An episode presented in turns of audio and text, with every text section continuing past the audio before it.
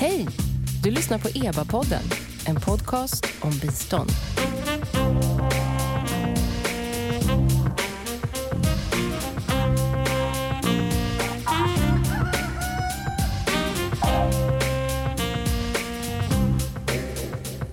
Välkomna till EBA-podden. Jag heter Nina Solomin och EBA står för Expertgruppen för biståndsanalys. Och det är en statlig kommitté som analyserar och utvärderar Sveriges internationella bistånd. Och den här podcasten har faktiskt lyssnare i mer än 50 länder, så tack alla ni som lyssnar och har lyssnat på våra poddar. Idag ska vi tala om ett område som plötsligt har hamnat i strålkastarljuset på ett nytt sätt i och med att vi drabbades av coronapandemin i världen, nämligen djurhälsa. Att ha ett fungerande hälsosystem för djur är minst lika viktigt som att ha ett fungerande hälsosystem för människor om vi vill ha en hållbar värld och även för att nå de globala målen faktiskt. Och självklart om vi vill minska risken för pandemier. Här i studion finns Ulf Magnusson, välkommen. Tack. Veterinär och professor vid institutionen för kliniska vetenskaper vid Sveriges lantbruksuniversitet, SLU. Och eh, du och kollegorna Jonathan Rushton och Arvid Uggla skrev en rapport för EBA för typ tre år sedan. Ja, 2017. Ja, och den handlade just om djurhälsa och kopplingen till biståndets mål om fattigdomsminskning och även Agenda 2030 va? Precis, det var alla, eller flera mål vi lyfte fram där. Välkommen säger jag också till Hanna Akufo, adjungerad professor i parasitologi. Eller hur? Det stämmer. Mm. Och du har, har doktorerat på sjukdomen leishmaniasis. Det stämmer också. Vad är det? Är det en sorts larv eller? Nej, det är en parasit eh, som drabbar eh, människor och eh, djur. Okej. Okay. Och nu har du varit på Sida ett antal år, ända sedan 90-talet, eller hur? Så att du är... Slutet av 90-talet, ja. Ja, precis. Gammal i gamet. Kul att du är här. Men vi börjar med Ulf Magnusson som har gjort den här EBA-studien. Eh, om vi börjar väldigt basic. Eh, kan du berätta bara, vad är djurhälsa egentligen? Ja, det innehåller väl två element. Dels ska säga, förebyggande eh, djurhälsovård så att djur inte blir sjuka och sen den delen då att behandla och eh, bota sjukdomar. Och det involverar ju både då min profession, veterinärer, men även eh, de som håller djuren. Att de ser till att de får tillräckligt eh, med mat och miljö och, och vatten och sådana saker. Så det är ett ganska brett begrepp kan man säga. Det brukar kallas animal health systems och sådana saker i, i, eh, i internationella sammanhang. Och sen så det rör framför allt då de våra domesticerade, alltså våra husdjur. Eh, men man kan även tänka sig inkludera vilda djur, fast då är det mest att man följer sjukdomsutveckling och sjukdomsutbrott där. Just det, när det gäller tamdjur, kossor, grisar, höns, allt sånt, då handlar det både om hur trångt det är i lokalerna och vad de får äta och antibiotika, sådana saker. Precis. Ja. Och varför är, varför är det här viktigt, förutom att man gillar djur och tycker att de ska ha det bra? Ja. Är det viktigt på fler sätt än så? Ja, ja det finns ju den, där, den etiska aspekten då, att om man håller djur så ska de ha det bra. Eh, men sen också så friska djur, eh, de eh, har en bättre produktivitet. Alltså om man eh, tänker i ett fattigdomsperspektiv då så, så får ju folk, eller djurhållaren mer, mer pengar, mer inkomst per, per insats om djuren är friska för de producerar mer mjölk, mer ägg, eh, mer kött. Eh, så det är liksom då fattigdomsaspekten. Sen så eh, friska djur eh, behöver mindre, mindre mat, eh, mindre vatten och sådana, så naturresurser eh, nyttjas mindre. De släpper ut eh, mindre eh, greenhouse gases per kilo kött, per kilo mjölk och så. Så det finns alltså mm. då en mhm. miljö och klimatsida av det. Och sen det som är nu väldigt aktuellt nu då, det är ju att då vissa av de här infektionssjukdomarna hos, hos eh, djur är ju sådana här zoonoser, alltså som kan spridas mellan djur och människor. Så man skyddar eh, folkhälsan också. Hanna Kofo, hur ser Sveriges internationella bistånd ut eh, just när det gäller djurhälsosystem? Stöttar vi det i låginkomstländer? Det gör vi genom att stötta eh, FAO och eh, OIE. OIE? OIE är väl, är väl en, en, internationell organisation som WHO egentligen, fast för djurhälsa. Stämmer det? Eh, det stämmer.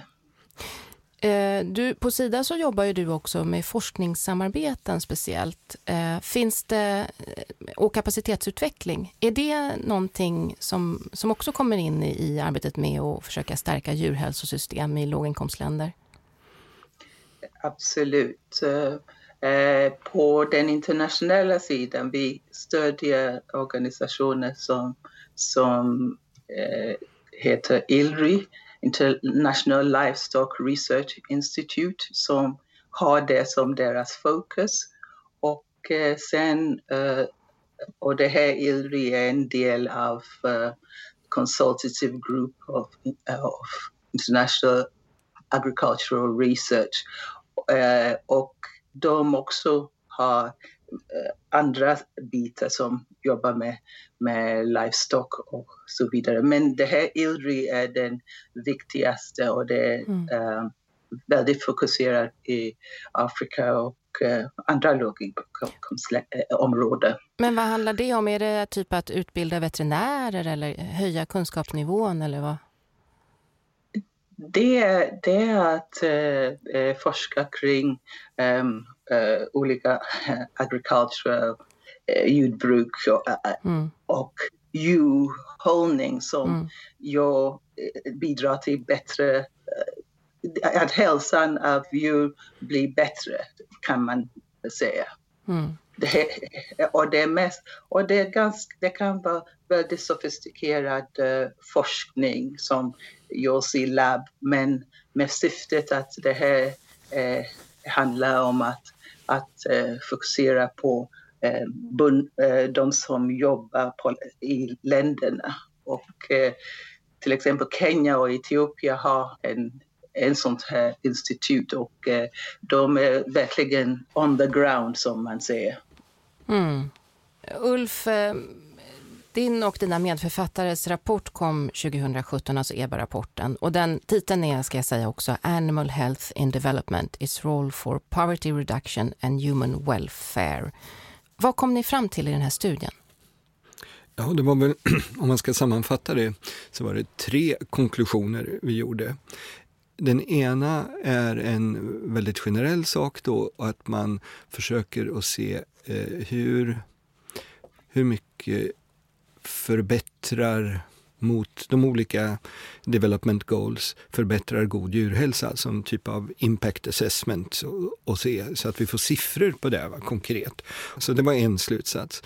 Eh, och den andra var att eh, själva, ska vi säga, eh, det blir svengelska här, delivery, alltså ehm, eh, att, att eh, etablera sådana här djurhälsosystem. Vi har ju, I Sverige har vi en lång tradition av ett samarbete mellan, mellan stat och, och näring så att säga, som är ganska unikt och har varit väldigt, väldigt framgångsrikt. Vi har ju bland de bästa djurhälsan i, i världen, låg antibiotikaanvändning och sådana saker.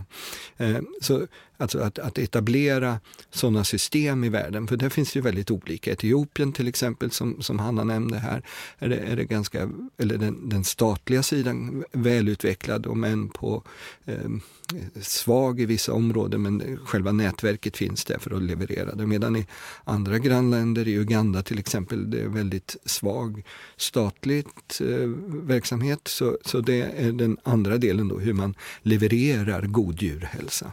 Och den tredje är ju då något som, som eh, jag har väldigt eh, gemensamt med, med Hanna, då, det är den långsiktiga kapacitetsutvecklingen liksom, eh, hos hos djurhälsopersonal och kollegor i de länderna som vi, vi jobbar med på, på olika sätt. Vi har ju väldigt långa traditioner sedan mm. 50-talet på, på SLU eller dess föregångare Veterinärhögskolan. Då, liksom. Alltså att det utbyte, att det kommer hit ja, forskare? Kommer hit forskare och, ja. Ja. Och, och, rena träningskurser i vissa specifika eh, områden, vissa ämnen. Då.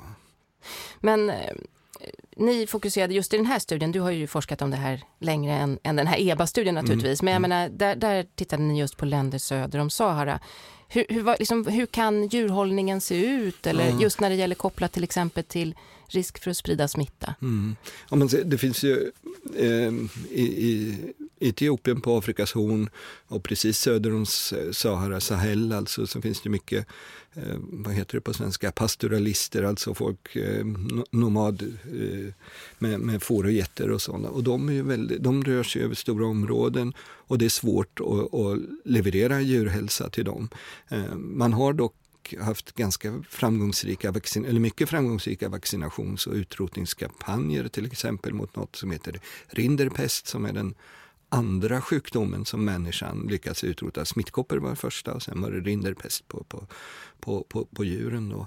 Ehm, eh, så, så det, det, är ju en utmaning. En annan utmaning är ju då tillgången på veterinär service. Det, det vanligaste är liksom om man ser en, en, en kenyansk eh, bonde eller en ugandisk bonde, om ett djur är sjuk så går vederbörande till eh, närmaste agrochemical shop eller något sånt och, och, och, köper någon medicin som den här eh, försäljaren vill sälja och som inte alls eh, är säkert att det fungerar i, i det här fallet. Va? Så den kontaktytan är mycket större än mot professionella ska säga, veterinärer. Och det här bidrar ju då till eh, ökad antibiotikaresistens också till exempel. Mm. Så, att det saknas kunskap om ja, det saknas man... kunskap hur man, hur man gör det. Om man är i klo, klorna mm. eller i händerna på sådana här eh, försäljare som vill sälja saker snarare än att ha mm. kompetens, riktig diagnostik och sådana saker. Sen finns det vissa, jag, Hanna nämnde här ILRI. Jag jobbar tätt med dem. Eh, och, och, vi har projekt till exempel med mobiltelefoner. Mobiltelefoner är jättestarkt i Afrika. Och där, där bönder då kan ställa diagnostik och ha kontakt med en centralt placerad veterinär, skicka bilder och sådana saker och göra diagnostik. Så det, mm. finns, eh, det finns väldigt många positiva saker också. Men det ser olika ut, väldigt olika mellan olika länder. Hanna, hur, hur kan eh, Sveriges utvecklingssamarbeten se ut mer konkret? Har, eller, eller är det så att, att Sida är så långt bort ifrån genomförandet att man inte riktigt vet vilka projekt man stöttar? Det var konstigt. Det kanske man vet, men kan du ge något exempel? Så, så kan Hur är det egentligen? Vad håller ni på med där på Sida? Grejen är att eh, man anser att eh, om man jobbar lite mer med eh, lite stå, större organisationer. Eh, man kan få bättre resultat av folk samarbete på ett annat sätt. Så det här genom de här multilaterala eh, eh organisationer eller eh, andra konstellationer eh, är viktigt. Men vi följer det så tätt vi kan. Vi får resultatet. Vi, vi, vi, vi, kan, vi kan påverka om det inte går på uh, uh, vad vi tycker är rätt sätt. Så uh, det är inte som att man ger pengar och sen säger att ha, ha det bra, vi ses. Det är mm. inte så. Det är väldigt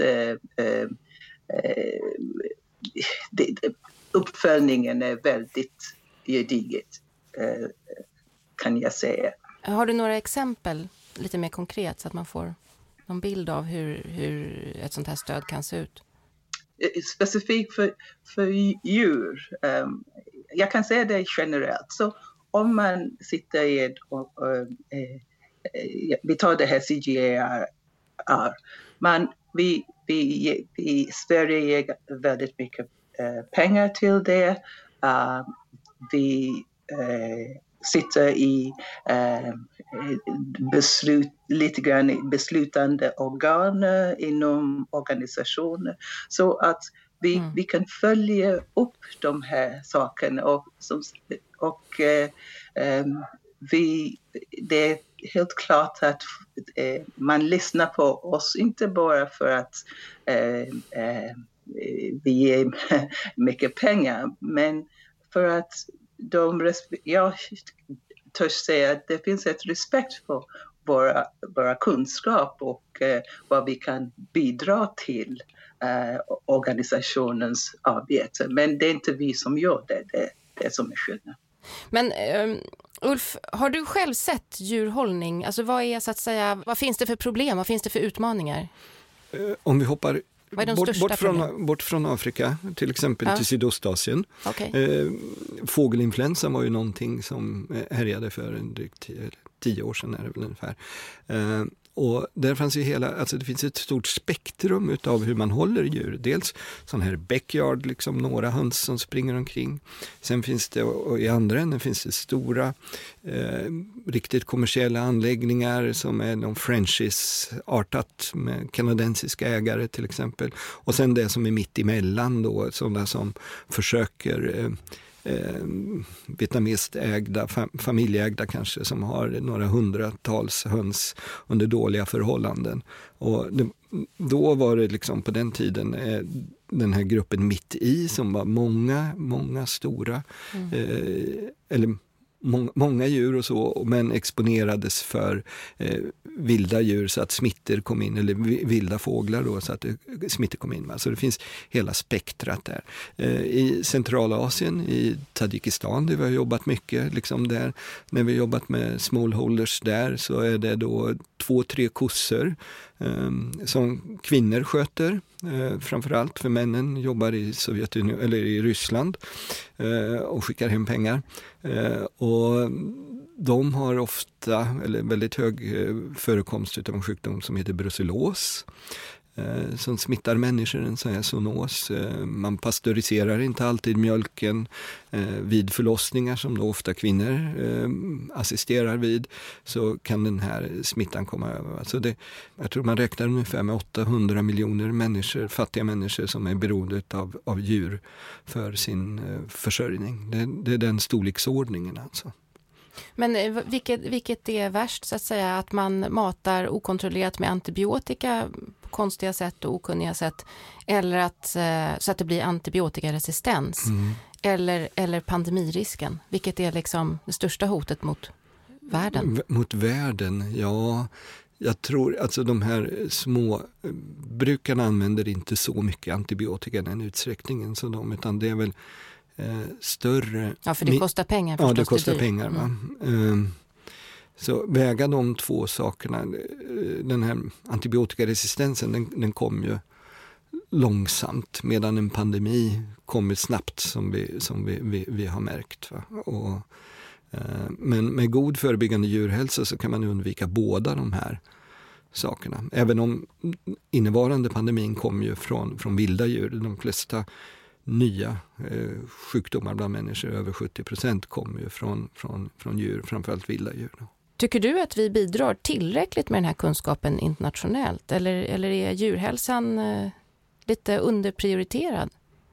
Ja, det finns två dimensioner i det. Dels I biståndet ska jag säga, i, förlåt. I, i, ja. i biståndet så, så, är det väl så eh, att man kan väl säga eller tycka att de biståndsfrågor som eh, lyfts av regeringen är ju ytterst då som skriver Sidas instruktion. Eh, reflekterar ju kanske de frågor som vi tycker är angelägna, angelägnast här.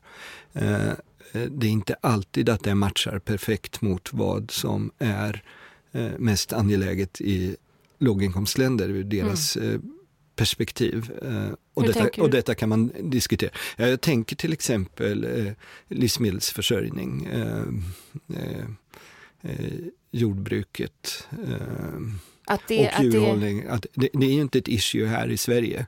Men det är inte så högt upp på agendan i, nej, i, i diskursen i alla fall, nej, i samtalet? I samtal, det, det, är min, det är min uppfattning i, i, i det? Och, och särskilt Det är med genus och demokrati och så? Ja, som är viktigt också.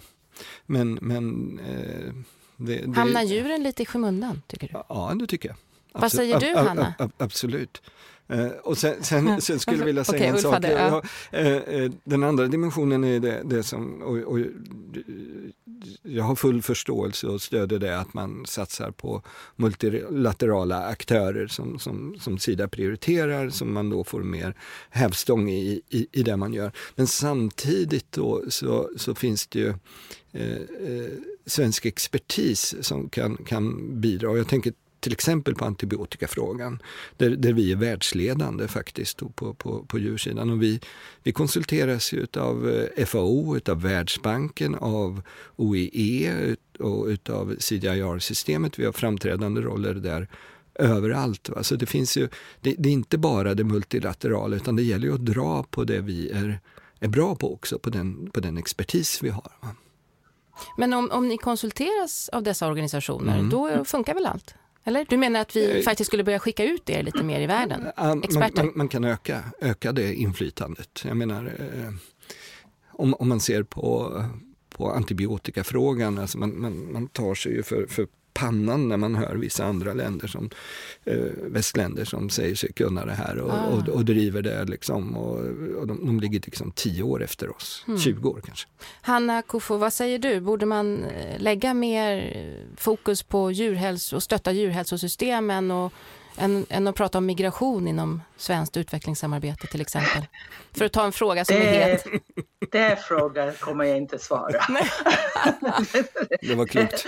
men, men eh, jag, jag tror att det är viktigt att, att eh, lyfta det här. Och jag, jag, eh, med, med, när det gäller antibiotikaresistens. Och jag är glad att det, det har börjat vara Eh, e, e, ett ämne i olika delar för eh, biståndet. Och, ehm, eh, och på forskningsbiten där jag kan lite mer, det är nu går vi in eh, mer med en, en riktad eh, stöd för att kunna få mera forskning gjort, specifiker och olika typer av forskning. Tror ni att coronapandemin kommer leda till ett ökat fokus på djur, att stötta djurhälsosystem? FN har ju, var ju bara ett par dagar sedan som man gick ut med en rapport som betonade vikten av att ha bra djurhälsosystem, eller hur Ulf? Mm.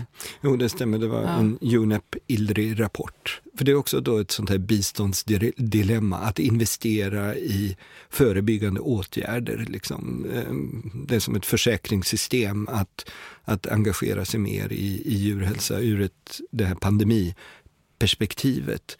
Ehm, och det är frågan om, om politiker och västvärlden och donors har, kommer ihåg det om, om fem år när det här mm. förhoppningsvis har lagt sig och så. Men eh, jag hoppas och tror att covid-pandemin eh, kommer att eh, eh, öka vårt fokus på, på djurhälsa. Vad tror du, Hanna? Jag tror att det kommer att göra det och jag tror inte att det, det här typ av pandemi, det kommer inte att glömma för, så fort. Jag hoppas inte det, verkligen. Mm. Tack Hanna Kofo från Sida, Ulf Magnusson, SLU och eh, också rapportförfattare till EBAs studie om djurhälsa och bistånd. Och blir ni nyfikna på den rapporten så finns den förstås på eba.se. Tack till Ulf och Hanna. Tack, tack. Tack. Ja, härligt att höra att ni är med, att ni inte har somnat. Fint. Jag heter Nina Solomin. Vi hörs.